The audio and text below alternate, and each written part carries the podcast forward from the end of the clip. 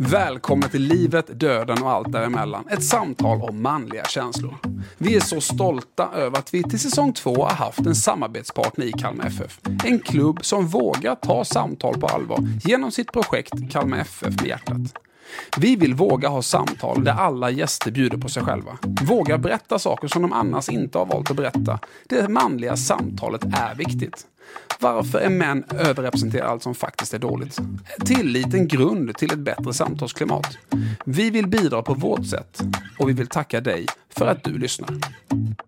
John Lundvik, landslaget i friidrott, vinst i Mello, en av våra största framgångar i Eurovision någonsin, vinst i Let's Dance, låtskrivare till kronprinsessans bröllopslåt When You Tell The World You're Mine. Hur är det att leva med en familj som stöttar dig med en motgång? Hur är det att vara mobbad som barn? Vilken drivkraft krävs för att våga stå upp för sin dröm i motgångar i många år? Detta blir ett av de mest intressanta samtal jag någonsin har haft. Jan Lundvik, vi sitter nu i ett eh, häftigt hotellrum i Växjö. Ja. Hur mycket hotell bor du på? Nu för tiden har det inte varit jättemycket men, men genom åren så har jag nog bott mer på hotell än vad jag gjort i mitt hem. Ja, det är så va? Ja, absolut. Många, många, många, många, många dygn på hotell. Svar ja. Alltså, vi, vi är i Växjö för att du var här i, igår kväll och firade eh, återkommande OS-profiler och medaljörer. Berätta. Ehm, vi var på ehm, Linnéparken igår. Ett fullt Linnéparken. Ja, vad häftigt. Äntligen. Eh, och där var eh, våra stoltheter, eh, OS-medaljörerna. Eh, jag hade äran att få hålla låda och sjunga och välkomna och vara en del utav den ceremonin. Eh, vilket känns helt eh, hedrande. Jag är jätteglad för det. Alltså, det som är så spännande med dig är att du har ju liksom ändå varit landslagslöpare på 100 meter, 60 meter också säkert. Du var en väldigt lovande ung friidrottare en gång i tiden. Hade, hade du slagit svenska rekordet, har jag funderat på på vägen hit, om du hade fortsatt springa? Eh, Du har ett rekord på 10,84 här på 100 meter 2006. Jag måste säga ja. Det är så va? Ja. Jag, jag tror hjärtat säger det för att jag hade så otroligt mycket driv och ambition och vilja att göra detta men min kropp vill inte det. Eh, tyvärr, min, min baksida gick sönder om och om och om igen. Eh, och eh, det blev liksom som en stoppkloss för en vidare utveckling. Så du skulle egentligen känna att, alltså en sån kväll som igår, då blir ju ändå, du kan på något sätt känna det de känner ju. Du kan ha, för Gud, du har ju varit på startlinjen, du har, Ja, ja. så det måste vara häftigt att vara med i den typen av evenemang när man kan känna från alla sidor så att säga. Mm, men det är, det är verkligen så.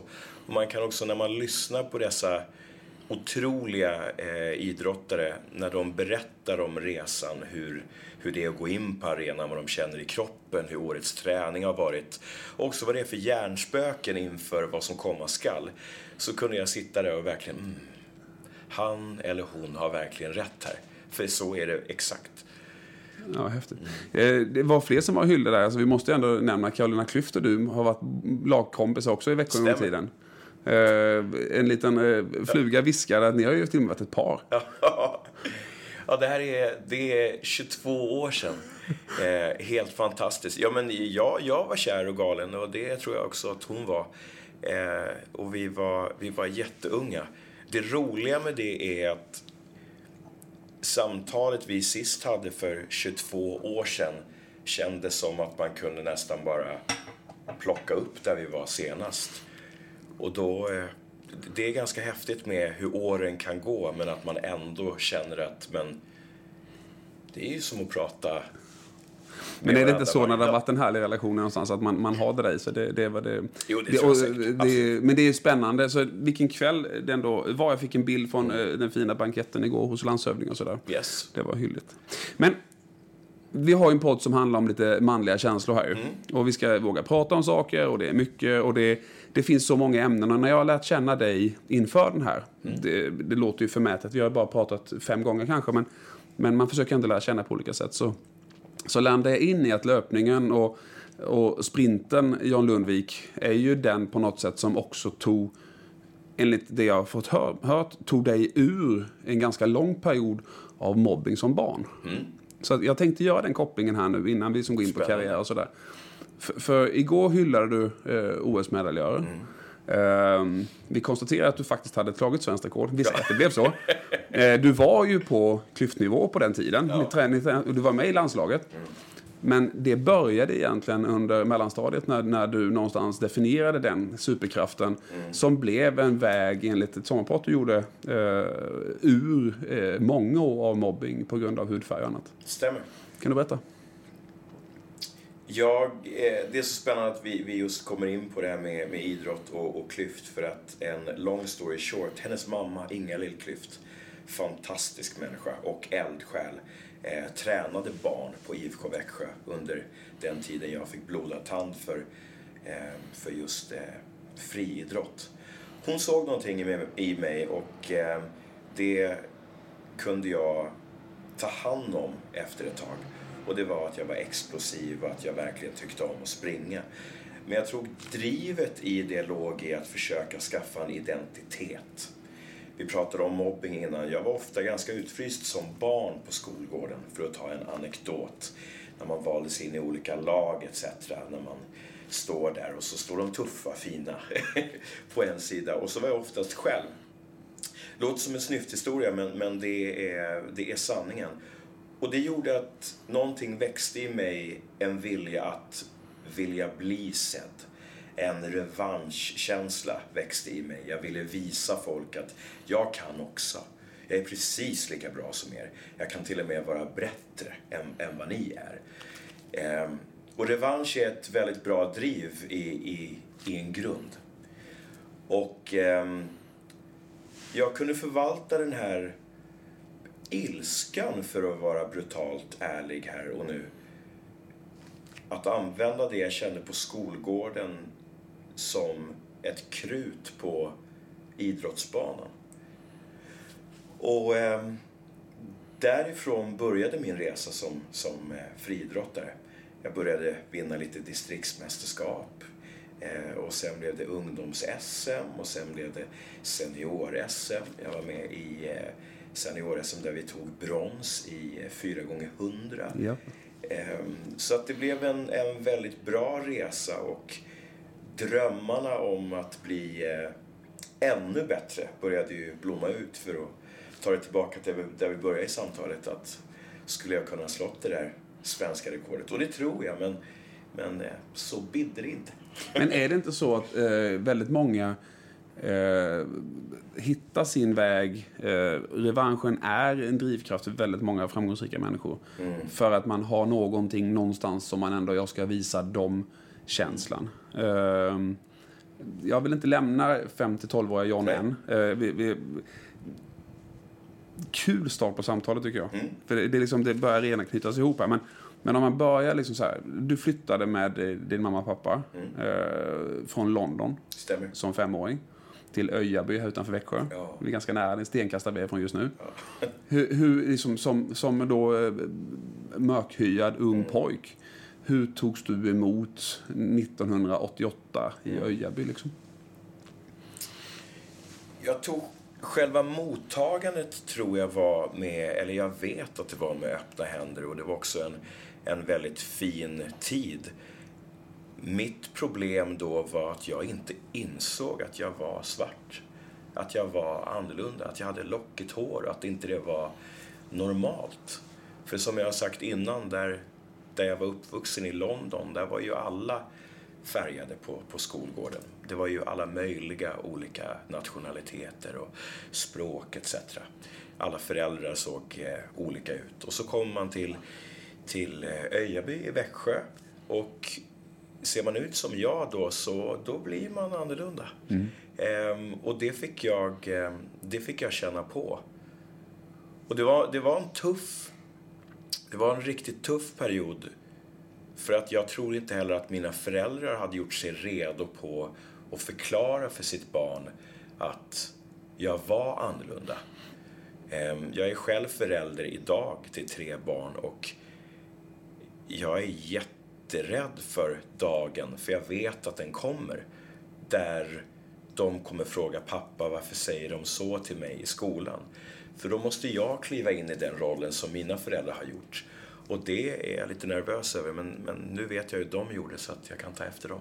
Men finns det någonting som de gjorde som du tänker att vi ändå, det har ändå gått några år sedan dess som du skulle, och kommer göra annorlunda med dina barn? Har du haft samtalet tidigare med dem, tror du? Eller har du förberett dem på de störningsmomenten i livet mer? Eller, Med mina barn? ja.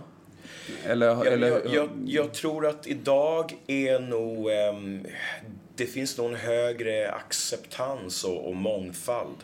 Jag vet själv när jag lämnar mina barn på, på förskolan, det är en ganska stor blandning av nationaliteter.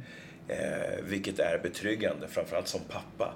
Men eh, där jag gick eh, så var det inte så var det inte speciellt många som var mörka med, med krulligt hår. Nej, men det, tror du att det har förändrats så mycket? Om vi tittar på... eh, Det finns väldigt många orter i Sverige där det fortfarande är segregerat åt hållet att det faktiskt det är väldigt eh, homogent utseendemässigt, så att säga. Tror du att det, det har ändrats jättemycket i eh, motsvarande Öjaby 2021? Jag vågar inte svara för Öjaby, men jag hoppas det. Eh, jag vill också tillägga att Öjaby har varit helt fantastiskt i så många aspekt, men just för mig att komma lite som utomjording från ett mångkulturellt London som en tvärnit in på skolgården i Öjaby blev ju det blev liksom en kulturchock deluxe. Ja, men det fattar jag. Eh, vinst i Mello 2019 med historiens högsta poäng. Ja. Eh, Du vann Eurovision. Allting annat, all den här publiken, fejkrösterna, Ja. de räknas inte. Du vann Eurovision angående juryn och alla andra människor. Ja. Eh, ju. Eh, du har faktiskt vunnit Let's Dance. Det är ju stort om man bor i Sverige ur ett tv-perspektiv. Så är Let's Dance ganska stort faktiskt. Det är klart. Du har skrivit en av världens absolut genom tiderna bästa ballad, When you tell the world you're mine, eh, till kronprinsessans eh, bröllopsfirande 2010. Eh, du är skådis på Net- Netflix. Ja. Du är rösten för vår stora hjälte Simba i Nya Lejonkungen. Ja. Alltså, du har fått göra väldigt mycket roligt sista, vad ska man säga, ja, förutom då 2010, så säg sista fyra, fem åren, Ja. så har det hänt galet mycket i ditt liv i en väldigt, väldigt häftig riktning. Landar du in i det ibland och tänker efter sådär, shit, vad har hänt på fyra år? Det, det jag sitter ju själv... Nu, nu är det för, en fördel att jag är mörk, för nu syns det inte att jag är generad. Ja, men det Men eh, jag, jag har någon filosofi att ibland är det bra att, stanna upp och, och titta i backspegeln på vad som händer. Jag brukar eh, blunda och tänka att jag är en båt ibland och de framgångar man gör blir liksom vågen bakom på något sätt. Men jag har valt att inte titta på den vågen för mycket och bli bekväm i, i att det har gått så bra. För att jag vill så mycket mer. Eh, och det säger jag på ett ödmjukt sätt. Det här är fantastiska prestationer och jag är både definierad som, som människa och som, som eh, artist för detta. Men, men jag tror här inne så behöver jag fortfarande vara hungrig. Jag behöver fortfarande känna att jag inte är färdigutvecklad, jag har mycket att lära etc. Men det är jäkligt häftigt när du, när du rabblar upp Nej, men det är ju bara en del av det. Och sen, så, för jag tänker så här också att eh, Stevie Wonder, husgud, Ja. eh, han är inte purung. Nej. Nej. Eh, och han var inte purung när han uppträdde på Globen när du var och tittade heller. Nej, och satt och vinkade till en blind person. Ja. Men vad jag menar med det är att är det, är det eh, liksom Stevie Wonder som du, du vill fortsätta göra skillnad med din musik eh, som en livsgärning? Är det, är det så, liksom, är det därför du inte slutar trigga? Liksom? Är det så, därför du inte... eh, Är det, den, är det den målbilden du har där framme? Jag vill vara eh, som 68 och fylla Globen jag också. Ja, eh, det kommer ske innan 68, punkt slut. Ja. Det kommer ske väldigt snart, det har jag bara bestämt mig för. Så blir det. Men jag tror... Den här Save the World-känslan har nog aldrig funnits i mig, utan det ligger nog mer på ett eh, egoistiskt plan. Att jag älskar att stå framför människor. Eh, jag älskar uppmärksamheten, kicken av stora eh, publiker etc. Eh, sen tror jag också att det finns det finns nog en liten skadad fågel i alla artister. Eh, och vad jag menar med det är att jag blir nog den där lilla John på skolgården. Den finns i mig hela tiden. Eh, och det är så underbart när jag står på, om det är framför kungafamiljen eller Victoriadagen eller om det är Skansen eller vad det nu kan vara. Så känns det ändå som en revanschgrej varje gång jag står och gör de här sakerna. Det blir en liten osynlig klapp på axeln. Och det kan låta konstigt på ett sätt, men det är så jag är och det, det är underbart att få den lilla känslan att i think I made it. Men det är jätte... Alltså jag pratade faktiskt med en sån som Olle Jönsson, mm. sångaren Lasse Stefans. Mm. Alltså, eh, han har hundratusentals unga svenska män som stora fanbasen liksom, på landsbygden. Det är fantastiskt. Kanske den som har flest män som fans av alla mm. eh, artister som, som vi, vi liksom på något sätt känner. Och han säger samma sak. Mm. Alltså, jag är fortfarande... Och titta, där kommer Tommy Körberg. Ja, exakt. Och vad häftigt. Och, alltså sådär, lite sådär, oh, får jag vara med i det här sammanhanget? Ja. Känner du igen den känslan också? Absolut. Det är, jag blir ju starstruck hela tiden och får nypa mig i armen för att eh, det blir ju på något sätt ens jobb att möta väldigt kända personer. Mm. Men jag förvånas över varje gång jag träffar en, en känd person att jag, jag blir ganska liten inombords. Jag vill gärna stå och prata lite extra och eh, nu för tiden så är man lite för blyg för att fråga kan vi ta ett kort? Men eh, som igår till exempel, bara för att dra en parallell. Jag står alltså med OS-medaljörer mm. och underhåller dem. Och vi sitter på samma bankett. Det är ganska häftigt. Ja, det är det. Det är det. Eh, du träffade din eh, fantastiska mamma till dina barn och din, ja. din sambo Jotta ganska tidigt, eller? Ja, nu är det 11 år sedan. 11 år sedan? Ja. ja. Eh, men absolut, relativt Ja, det var inte så. Var, ja, men, men, ja. men eh, liksom, ni, ni, eh, ni möttes och ni har ju ändå gjort en ganska, alltså det var 2010 då. Mm. Eh, och i det så, eh, det fanns ju liksom en, för mig när jag tittar på din karriär, 2010 så fick du eh, vara med och skriva låten, eller mm. du skrev låten Well Tell You All Mine. Mm. Och sen så är det ju ändå fram till 2018 med My Turn. Mm. Det är åtta år. Yes. I en relation där man inte såg John Lundvik jättemycket oh. i det offentliga rummet. Mm. Men där du ändå levde på något sätt som artist. Precis. Hur är det att göra det? Och hur är det att ha en, en, en kärlek som på något sätt i det hänger med i vårt utåt? För det måste ha varit mycket upp och nedgångar där. Ja, gud. Um, upp, upp och nedgångar eh, gång, gånger tio. Och jag tror, att det är ganska, jag tror att det är ganska normalt. För att jag har aldrig haft en, en plan B i mitt liv. Jag har alltid haft en plan A. Och när jag träffade Jotta så eh, vi blev förälskade ganska, ganska direkt. Eh, long story short, hon, vi var på en hemmafest, hon öppnade dörren, vi sågs, pang, där på sitt. Eh, och eh, jag sa ganska tidigt, vilket jag är så glad för, att jag sa i vårt förhållande så kommer alltid musiken att gå först. Och det kan låta som man är ganska kall, men jag är glad för att jag vågade vara så ärlig och inte himlade med att min dröm var väldigt viktig för mig. För att hon har på något sätt eh, verkligen omfamnat den ärligheten med att vara stöttande. Hon tyckte att det var starkt att, vara så ärlig och har hjälpt mig att ta mig till dit jag är idag. Eh, när jag har varit ute på turné, då har ju hon varit hemma med barn. Eh, man vet själv som man artist, det är, det är mycket kvinnor involverat. Det är oftast ett stort tjejhav. Man är på annan ort, du är på eh, ett annat land. Eh, så kan det även vara för, för både män och kvinnor. Att leva med artister, skådespelare, folk som, som just driver sig själva på det sättet tror jag är ganska svårt att, att leva med.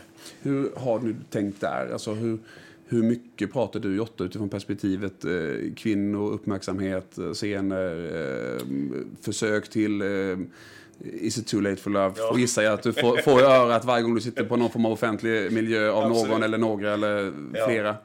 Alltså, Nej, pratar ni om sånt tillsammans? Ja, och det är en, det är en kompetent fråga för att ehm, i början så var det vår största utmaning.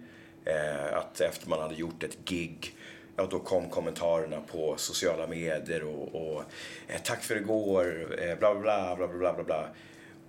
Och eh, det var en anspänning i början. Men ju längre tiden gick så blev ju det här en del utav mitt arbete. Eh, och vi, vi har tagit, is, tagit oss igenom det. Men hur, jag, jag stannar kvar. För Ja. någonstans, då det ärliga samtalet, du börjar med att vara ärlig in i relationen, vilket jag alltid säger till alla. Att, Säg vad du känner från början. För någonstans, det, svåraste. kom, det kommer i fatt annars. alltså det, jag måste få göra det här, annars funkar inte jag som människa. Accepterar vi varandras sådana här saker, då kommer vi kunna leva ett lyckligt liv ihop. Men, men den här delen med uppmärksamheten, vi pratar om eh, Let's Dance, det är ju oerhört intimt, Det är det är mycket kramar. Det, ja, men, Jo, ja, men det- alltså, det är väldigt mycket fysisk Mm. beröring. Ehm, och jag gissar att ni då utifrån den ärliga dialogen har pratat om de här sakerna hela tiden. Tror du att det är någon bristvara hos andra eller ska vi bara liksom nöja oss med hur pratar ni om det? Eller idag är det bara självklart att det är som det är eller pratar ni fortfarande om det idag? Nej, Men jag, jag tror att det här är en bristvara hos eh, människor eh, generellt. Att man eh, inte riktigt vågar kommunicera straight vad det är man känner och, och vad det är man vill. Ehm, jag tror väldigt många i min situation, om jag hade sagt till en annan kvinna att musiken kommer vara ett i, i mitt liv just nu. Jag tror att fem av tio hade sagt ja, men då är inte jag intresserad av att ingå i ett förhållande. För att jag vill inte vara nummer två. Men eh, för de andra fem som gör det så ger jag verkligen eh, ja, hands down. För att det är, jag, jag tror att ärligheten i, i just eh, driv och karriärer eh, är skitviktigt. Annars kommer det ikapp lite längre fram. Och det hade varit otroligt sorgligt om, om man sitter nu med, med stor familj och allting och så måste man säga det nu. Ja, men det, det, musik och det andra kommer faktiskt först. Men, men hur, hur, ni har tre barn idag. Ja. Eh, och, och liksom, när jag pratar med dig på telefon så, eh, du har ju...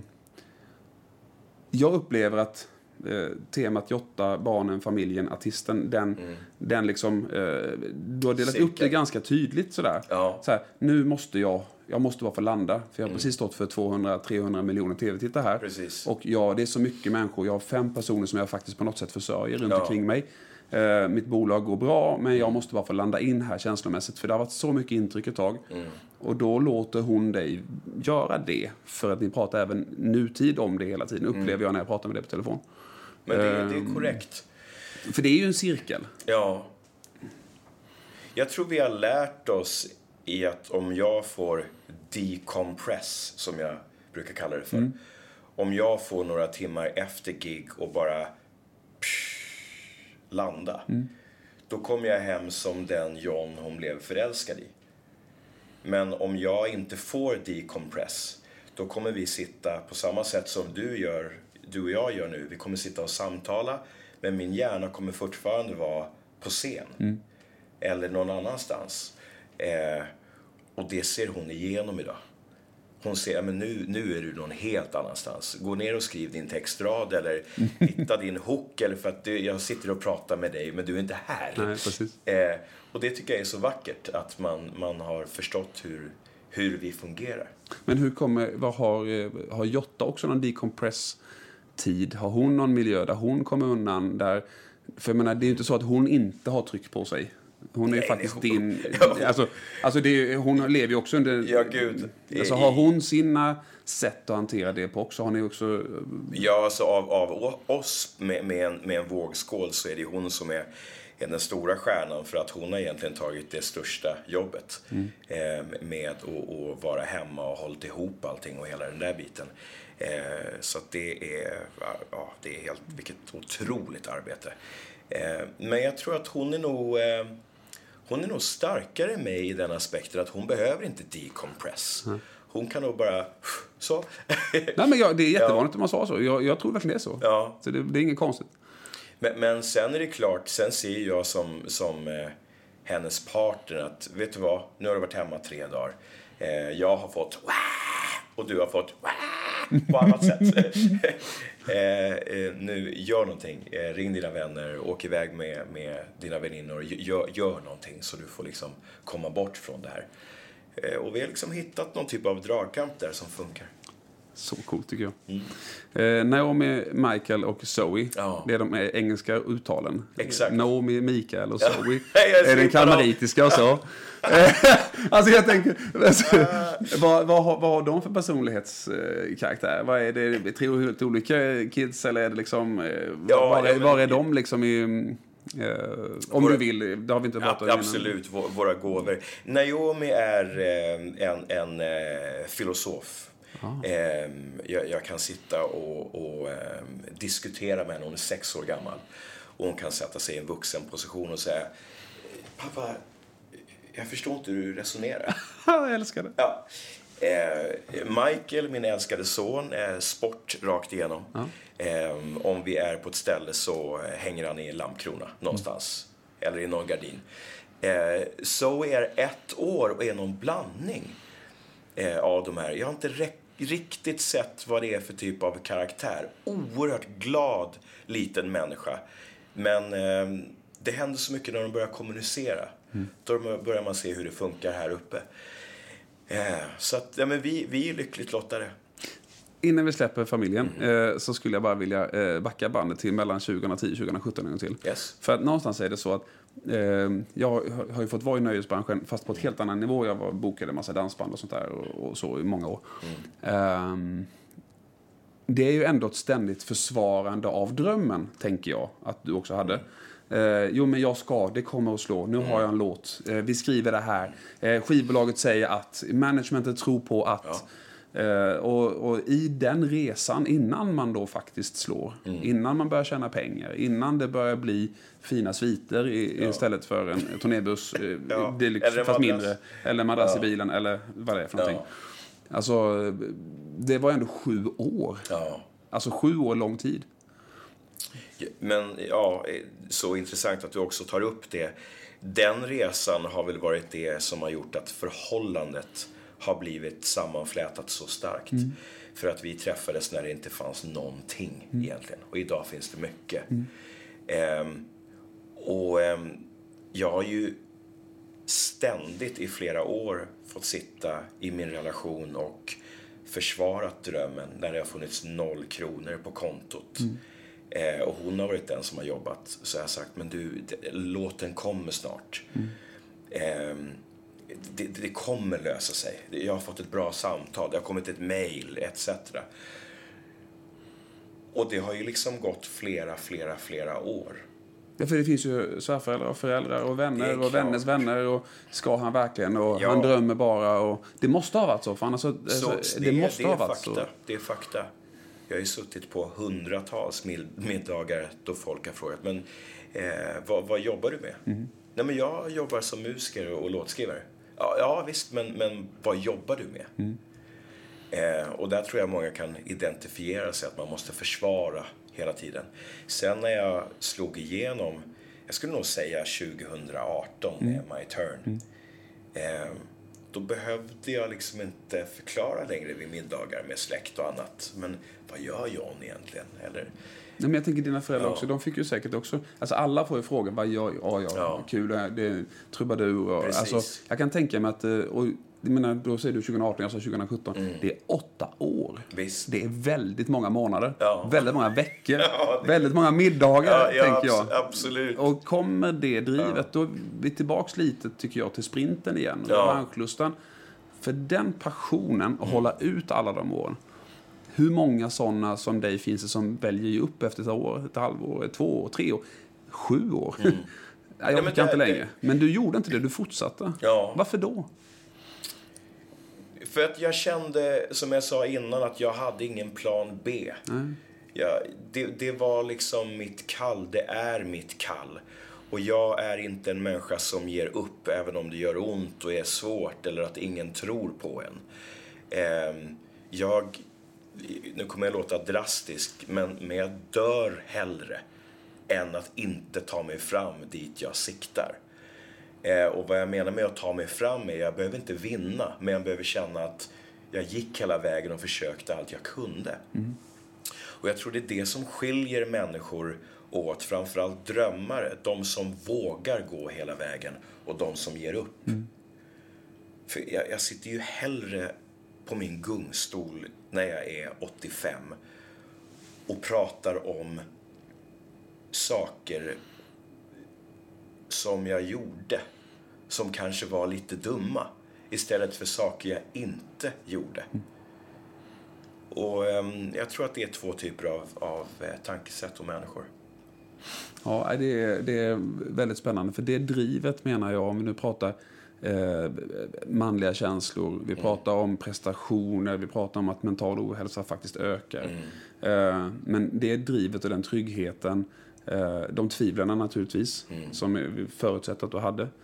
Men sen ändå lyckas kanalisera det när man då får chansen. Det är en konst. Alltså, det, där menar jag att där har du en superkraft. Som, som eh, väldigt, väldigt få människor har. För de flesta som jag har pratat med som har kommit och haft den resan, det har till slut kanaliserats i nervvrak. När de väl fick chansen så tog de inte chansen i alla fall. Precis. Och sen möter jag dem nästan, ja, jag blev taxichaufför. Är du med i tanken? Ja. Inget ont om taxichaufförer. Nej, men jag- jag det var liksom, det. Jag bara försöker få ihop din person här. Ehm, din unika mentala kraft där. För det vill jag påstå att jag tycker att du har. Ja, men tack. Ehm, hur, hur, hur var det att ställa sig på Melodifestivalscenen med My Turn? Känslomässigt i dig? Ja, men jag sjöng ju för mitt liv. Eh, och jag tror också att det var det som gjorde att det blev eh, en, en topp tre-placering och att det blev en, en eh, tippning och faktiskt vinna 2018. Eh, jag är glad att jag inte gjorde det och fick vänta ett år till. Men, men jag tror att ärlighet och ett konstant, kontinuerligt driv är ett recept till framgång. Sakta men säkert. Jag brukar säga att den, den, den längsta vägen är ofta den snabbaste vägen. Och för att försöka förklara vad jag menar är att jag tror att man, om man går sakta men säkert så kommer man komma fram före de som springer och ramlar. Ehm, We Are The World. Ehm, jag fick en tanke. Du sa Globen förut. Eh, kontaktnät. Ja. Ehm, för det är också en sån här eh, World for Africa 85. Ehm, har, det, har det varit en målbild i dig att, att göra en sån typ av grej? Eh, har det varit en av alla de drivkrafterna de här åren när det inte lyckades? Att, men jag, jag ska göra det också, dit ska jag. Har det varit någon sån här, jag skulle kunna? Jättekonstig fråga Ja, kanske, nej, men... nej, alltså kanske inte en målbild, men det är någonting som, som har kommit till mig mer och mer. För att jag blir så tillfredsställd som människa av att se att jag kan inspirera yngre. Ehm, jag, jag testade på att göra föreläsningar om, om min resa för, för ungdomar. Och det är ett av de tillfällena jag har känt mig som mest hel. För att jag såg i de unga människors ögon att ja, men vi, vi hör dig. Vi kan också. Kan du så kan jag. Och det är en kick i sig. Och för att svara på din fråga så tror jag att det är nog det som har blivit mer ett driv av att försöka inspirera andra. Jag gjorde det här, jag gav inte upp, jag tog den här vägen. Så kan ni också göra. My Turn. Eh, kan man få en, en, en snabb del av låten? Breathe in and out. Kommer du, behöver du värma upp din röst när du sjunger annars? Nej, jag gör ju inte det. Det är du och Tommy Körberg. Ja, exakt. Jag och Tommy. Ja, men jag, jag vet inte, men jag, jag sjunger alltid från hjärtat. Och jag blir mer ärlig om jag inte står och, och värmer upp. Det är klart att jag inte kliver upp på morgonen 06.30 och...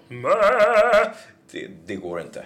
Men... ehm, Men jag- 0645 funkar men exakt så. Eh, nej, nej, men det är någonting jag inte gör. Nej. Sen eh, kommer vi då till eh, 2019. Och då har vi kanaliserat, jag sjunger för mitt liv. Ja. Man ser det nästan framför sig i någon form av filmisk scen. Eh, jag, jag tänker att du har sett ditt liv som en film också ibland. Eh, För jag har tänkt så själv, nämligen att man, man bygger någon form av dramaturgi runt allt. Och sen kommer liksom crescendo 2019. Eh, med Mamas, gospel och en fantastisk låt. Och jag tror det inte fanns en enda människa som älskar musik som inte grät en skvätt när ni avslutade tonen på Eurovision. Det var så Nej. jävla bra. Tack. Alltså det var så, ursäkta svordomen, men det var så jävla Ja. bra för, framträdande. Tack. Eh, och jag, du måste ha känt så också. Ja. För det var så bra. Det är ett av de där tillfällena. Det låter lite flummigt, men det känns som att man kliver ur sin kropp och står och tittar på sig själv. Eh, för att under så många sömnlösa nätter på grund av ekonomi, så många sömnlösa nätter på grund av att drömmen inte slog in i tid, så många sömnlösa nätter på grund av att man har en partner som man inte kan ge en trygghet i sitt arbete och var man ska ta vägen. Också så många sömnlösa nätter av tanken, är jag bra nog? Allting kom till sin plats där och då som det bästa kvitto en människa kan få. Att så här, här ska du vara. Här har du sångfågeln. Där har ditt land röstat fram. Och du har skrivit låten och har framfört den. Det var liksom... Jag blir, jag blir rörd när jag tänker på det för att det är ett av de där tillfällena som, som jag aldrig kommer att glömma. Nej, inte vi andra heller. Enormt Eh, häftigt. det, det, men, men hur... Vi pratar tillit. Mm. Vi ska gå tillbaka till det där ögonblicket. Men vi pratar tillit i, i, i podden. Att om man har tillit till sig själv. Jag har, jag har tillit till min egen agenda. Jag har tillit till min kapacitet. Jag har tillit till min integritet. Och jag har tillit till mitt resultatfokus. Fyra tillitens pelare. Alltså någonstans har, har jag tillit till mig själv i det. Och då i min familj också. Då kommer jag till slut på något sätt om jag har, om jag har kapaciteten att lyckas. Ja. Men det som du gjorde där eh, är ju få som faktiskt har gjort. Sen att det inte blev röstningsmässigt som de hade ju fel. Ja. Men juryn hade rätt och, och vi i Sverige var ju stolta någonsin. Det var ett ögonblick i svensk musikhistoria i min värld. Ja. Som du bidrog till. Eh, liksom efter år av fight. Hur var det efteråt? En väldigt bra fråga. Jag, jag minns det som en tomhet. För att det är precis som att man har blåst upp en ballong i stort sett hela sitt liv. Och sen när den ballongen är färdig och blåst, då kan man säga pop. Och det var precis som att man har lämnat ett gammalt John och blivit ett nytt John på något sätt. Det är liksom trappor man går i livet. Eh, plötsligt så var jag John med hela svenska folket. Eh, jag behövde inte längre försvara vad jag drömmer om.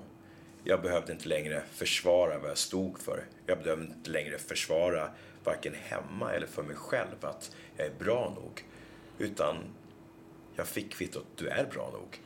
Nu är det bara att förvalta det här så gott du kan och bli ännu bättre. Hur snabbt kom tanken, vad ska jag göra nu för att slå detta då? Ur ett karriärperspektiv. Det tog ganska lång tid för att jag fick en, vilket jag tror att många mellovinnare kan identifiera sig med. Man får liksom som en filt av det är inte bara värme utan man är lite så här odödlig är fel uttryck men du får en känsla av att du har lyckats och att det här kan ingen ta ifrån dig. Och det är en trygghet som är ganska cool att få. Men eh, idag kan jag också fundera mycket över att hur toppar jag det där då?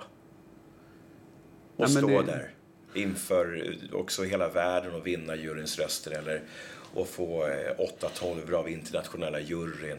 Att få stående ovationer av ett fullt Friends Arena. Hur, hur, hur, toppar jag det? 200 miljoner tittare, du står och sjunger Madonna. Ja, Alltså, Exakt, det, det låter ju surrealistiskt men, men eh, ja, de här tillfällena kommer och, kommer och går. eh, Let's Dance. kom ju ganska snabbt därefter sen. Ja, det gjorde det. Eh, var det bra att det kom snabbt efteråt? För dig som människa och jag tänker med Jotta och familjen och barnen och bubblor och inte och tid hemifrån och sådär. Hur, hur liksom, var, det, var det svårt att säga ja till Let's Dance? Jag hade en stolthet i att jag hade vunnit Mello och kände något ansvar i att hålla den fanan högt. Eh, jag ville liksom inte vara med i ett program och inte gå in fullhjärtat. Men efter många om och men från mitt management som är min, min eh, guide i min karriär. Eh, ett, ett Är du helt trygg i, i de bakom dig? Ja, jag hade inte varit eh, där jag är idag Fantastiskt. Då ska de hyllas lite också. Absolut. Men, men tillbaka till Let's Dance och valet. Ja, ehm, och efter många om och men så, eh, så sa jag, nej men fine. Jag, eh, jag har visat en sida av mig själv inför svenska folket som är ganska säker och någonting jag verkligen hanterar och, och kan vara riktigt bra i vissa gånger. Men nu vill jag göra någonting där jag är helt från noll och vill visa att jag kan kämpa för att utvecklas. Och jag tror mycket av den utvecklingen gjorde att jag faktiskt gick och vann tillsammans med Linn. Jag tror igen att folk såg att han ger ju hela sin själ i det här. Eh, men det, var- det, var, det var spännande. Vad var det som var mest spännande? Jag tror, också, jag tror att det var en, en, eh, en blandning av eh, Tony Irving. Du är jävligt bra att imitera, det är lite Ja. roligt. Det är en talang du har som vi måste Ja, utveckla. herregud. Du lägger hela trycket ner vid havfoten, det är katastrof. Det är inte rumba. Underbart. Eh, nej, men det var ju väldigt speciellt för att det här var ju under en tid eh, där corona hade brutit ut. Så att vi fick ju inte ha publik där. Och det var ju någonting som jag verkligen hade gjort mig van vid, att ha ett publikstöd. Nu står vi i en, i en arena som är helt tom. Och det var extremt utmanande att titta in i en kamera som lyser rött och du vet inte vilka det är som tittar. Och inga applåder efteråt, det är helt tyst. Eh, men också utvecklingen tillsammans med Linn. Att ta kritik från en annan människa. Att bli piskad av en annan människa på det sättet. Och också hyllad av en människa. Det var helt nytt för mig. Så ett, ett bra utvecklingsscenario i mitt liv. Så man kan säga så 2019 och in halva 2020 så var du mer eller mindre i någon form av bubbla.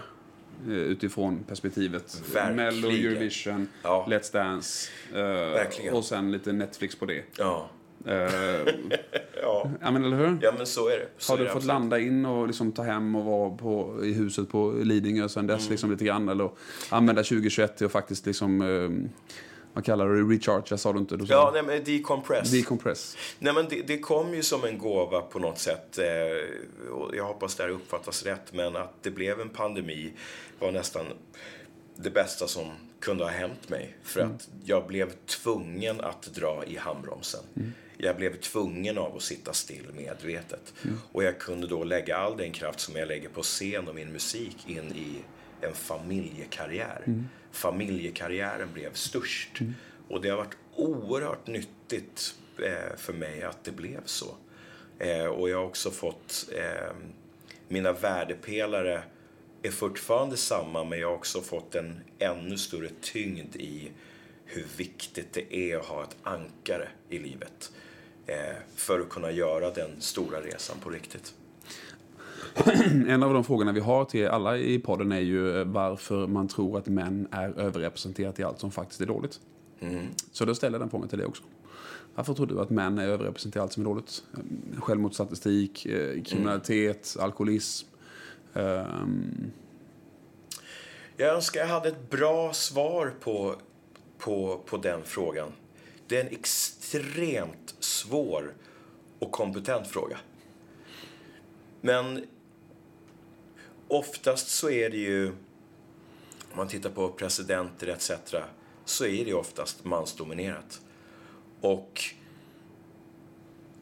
de som följer det spåret på den nivån blir ju också utsatta. Och är du på presidentnivå och är man, då har du hela världens ögon på dig. Samma gäller sport, om vi tar 100 meter till exempel. Sveriges, eller Sveriges, världens snabbaste man får ju också hela ögonen på sig för att han är snabbast. Och det blir ju också att om han gör fel, eller de runt omkring, så blir ju det också katastrof. Men jag har inget, jag har inget, har du någon, har du någon filosofi runt det här? Det är Alltså jag, jag, jag, alltså vi, vi har ju liksom, det är ju, av alla som söker till universitet Ja. så är det bara en tredjedel män. Du ser. Eh, sju av tio självmord, män. Ja. 96 procent kriminalitet, män. Ja. Jag tror att 96. yes, jag tror att, att vi är i situationen där det manliga samtalet som du och jag, jag tycker du har varit fantastisk i att svara ärligt, Mm. eh, där man kan prata om tillkortakommanden. Om man inte har någon att prata med, Mm. om man inte vågar prata med någon, för man är rädd att bli outad, Ja. då kommer känslor finnas inne. Och sen när du är fysiskt överlägsen då, det andra könet, så är det lätt att till slut så kommer det på något annat sätt. Det är en del. Jag tror att samtalet har en betydelse. Det är därför vi gör den här podden. eh, Mm. För att på något sätt inspirera folk att, att du säger vad du tänker. Du sa Precis. själv, var ärlig. Ja, Alltså håll inte på och, och uh, bullshitta. Nej, prata om vad du tänker. För det kommer att hjälpa att förlösa saker i det som gör att du kanske inte behöver ta ut det på andra sätt. nej. Uh, känn dig inte... Väldigt mycket är ju faktiskt nu anpassat utifrån ett tjejperspektiv, med all rätt. Mm. Men det är så att jag upplever att många män ändå känner sig lite åsidosatta och då till slut så kommer det ut på annat sätt. Så, så det är väl den lilla tanken som... som eh, Sunt. en, en av tankarna man kan ha. Mm. Sunt. Eh, tycker du det låter logiskt? Ja, faktiskt. Tycker Jotta att det ska vara ganska skönt att du ska ut på vägarna igen snart eller? Nej, alltså jag måste bara säga det, hon fick ett helt år här med dig nu. Alltså, men tycker hon någonstans ändå att det är ganska skönt att du ska ut på vägarna? Ja, men jag... jag, Jag var tvungen. Alltså, Ja, absolut. Jag satt och skrattade Ja. inombords när du berättade om det här fantastiska året. Så tänkte jag, de Ja, har men inte det- levt det- så innan liksom. Ja, nej men det, det tror jag. Det, det finns alltid, alla mynt har två sidor. Men jag tror att ehm, det är inte bra att vara hemma för mycket. Det handlar också om en balans. Eh, Eh, och jag tror att eh, hon gärna ser att jag är ute och rör på mig eh, lite. Men du, vad ska du göra nu då? Alltså vi är ju jättenyfikna alla människor. Du, du menar, du kommer ju inte åka runt och hylla OS-deltagare i ditt liv. Du har ju en egen agenda i din artistkarriär. Ja. Är det någonting du vill berätta för oss idag? Vi har inte pratat om tidigare, men när kommer nästa Too Late for Love? När, vad, vad händer sen? Måste vi ju ställa frågan. Ja, men så här, så här är det. Jag, jag har valt att sitta still eh, medvetet under ett par år för att verkligen känna efter vilken väg eh, som jag eh, vill gå. Nu har jag möjligheten att, att eh, kanalisera min, min framgång till det håll som jag själv önskar. Och jag väntar hellre lite för länge och gör rätt än och skyndar och gör fel. Eh, och nästa steg är faktiskt julen. Eh, och göra en... Åh, en eh, Love Christmas. Ja, och försöka göra en, en eh, fullsatsning till julen med, eh, med ny musik och tv-program och, och annat smått och gott som kommer. Vad roligt. Är det alltså det är svenska, engelska? Svenska. Svenska? Ja. Ja. nu får du säga stopp. Jag blir Ja. jättenyfiken. Ja, ja, absolut. Men alltså julen är ju en favorithögtid för mig också. Min med. Mm. Alltså alla dagar i veckan. Julen, julen, julen. Tomtar. Min fr- fru är vansinnig. Men tomtar. Eh, men liksom vad, vad är, är det amerikanska sånger som du översätter till svenska och sen lite eget också? Eller hur liksom, var är här, vi någonstans? Det här är nyskrivet material som jag har gjort tillsammans med Peter Kvint. Mm. Eh, ett geni eh, av rang och också en människa som är... Jag har nog inte träffat en mer ödmjuk människa. Han har gjort allt. Han är top of the tops. Men eh, är som en helt vanlig, lugn människa. Eh, så att... Eh, det, ska bli jättespännande att se reaktionerna också, hur det blir. För att det är ganska vågat att släppa ett svenskt julalbum. Det är, det är skitspännande. Det är ju jättespännande. Ja, det är det. det är inte många som har gjort det. Nej, det är inte det. Alltså om man börjar titta tillbaks. Peter Jöback. Ja, verkligen. Eh, En, en stor eh, sko att fylla ut, men, men jag ska försöka. Det kommer gå alldeles utmärkt. Om vi, om vi liksom ska börja summera lite grann. Eh, så har vi liksom eh, London, de åren låter vi vara. Mellan 5 och 12 så bakom kulisserna hade du skittufft. Absolut. Alltså, finns det någonting du skulle kunna tänka dig att inte tycka att du är förmäten om du ger någon form av tanke, om du har ett barn som känner sig utanför, eller om du kanske är ungdom själv och känner dig utanför. Någonting som du ändå kan ge utifrån din erfarenhet, utifrån dina känslor där och då. Ja, det är väl egentligen till alla lyssnare, vuxna som, som, eh, som barn, eh, eh, människor i övrigt, att du måste vara onormal för att nå framgång. För att är du normal så får du normalt. Normalt är inget fel, men om du jobbar 8 till 5 då får du det, typ, den typen av livet. Mm. Men om du är onormal, det vill säga att du jobbar inte 8 till 5 utan du jobbar dygnet runt med saker som folk inte förstår vad du håller på med. Då kommer du att lyckas med allra största ja, sannolikhet. Men det gäller att våga vara annorlunda för att när folk börjar tänka som de gjorde med mig, ja men det är ingen idé att ringa John för att han, han, han håller på med någonting i studion. Det är ganska tufft, framförallt som ungdom. Mm. Men idag när jag sitter här med, med dig och får vara med på den här podden så är jag väldigt glad att jag tog beslutet att vara onormal. För att det är skitsvårt att vara onormal. Mm. Det var en väldigt intressant sammanfattning. Vi har pratat om det mycket, jag och Max. Just det här att faktiskt våga gå sin egen väg. Ja. Älskar den liknelsen du just gjorde nu. Det var väldigt, väldigt fint. Sen har vi de här åren då när du eh, efter friidrottskarriären som var fantastisk mm. och så skadade sig och, och, fram till ja, When you tell the world your mind får ju vara någon form av mittpunkt där, Precis. men ändå inte den där du breakade. Mm. Och sen fram till 2018. Vad har vi för tankar där när du liksom återigen i många år gör saker som du omgivningen säger till dig, men hör du, ska du verkligen fortsätta? Är det samma känsla, samma tankar du hade som när jag pratade om 5-12 nyss? Du menar eh, året av, eller åren, ja, åren av, av, att du inte breakar, utan måste motivera för omgivningen att det kommer snart en låt. Det är mm. faktiskt där. Jag, Men, ja. Är det samma tanke som du hade nyss? Ja, där har du ett praktexempel på mm. hur tufft det är att vara onormal. Mm.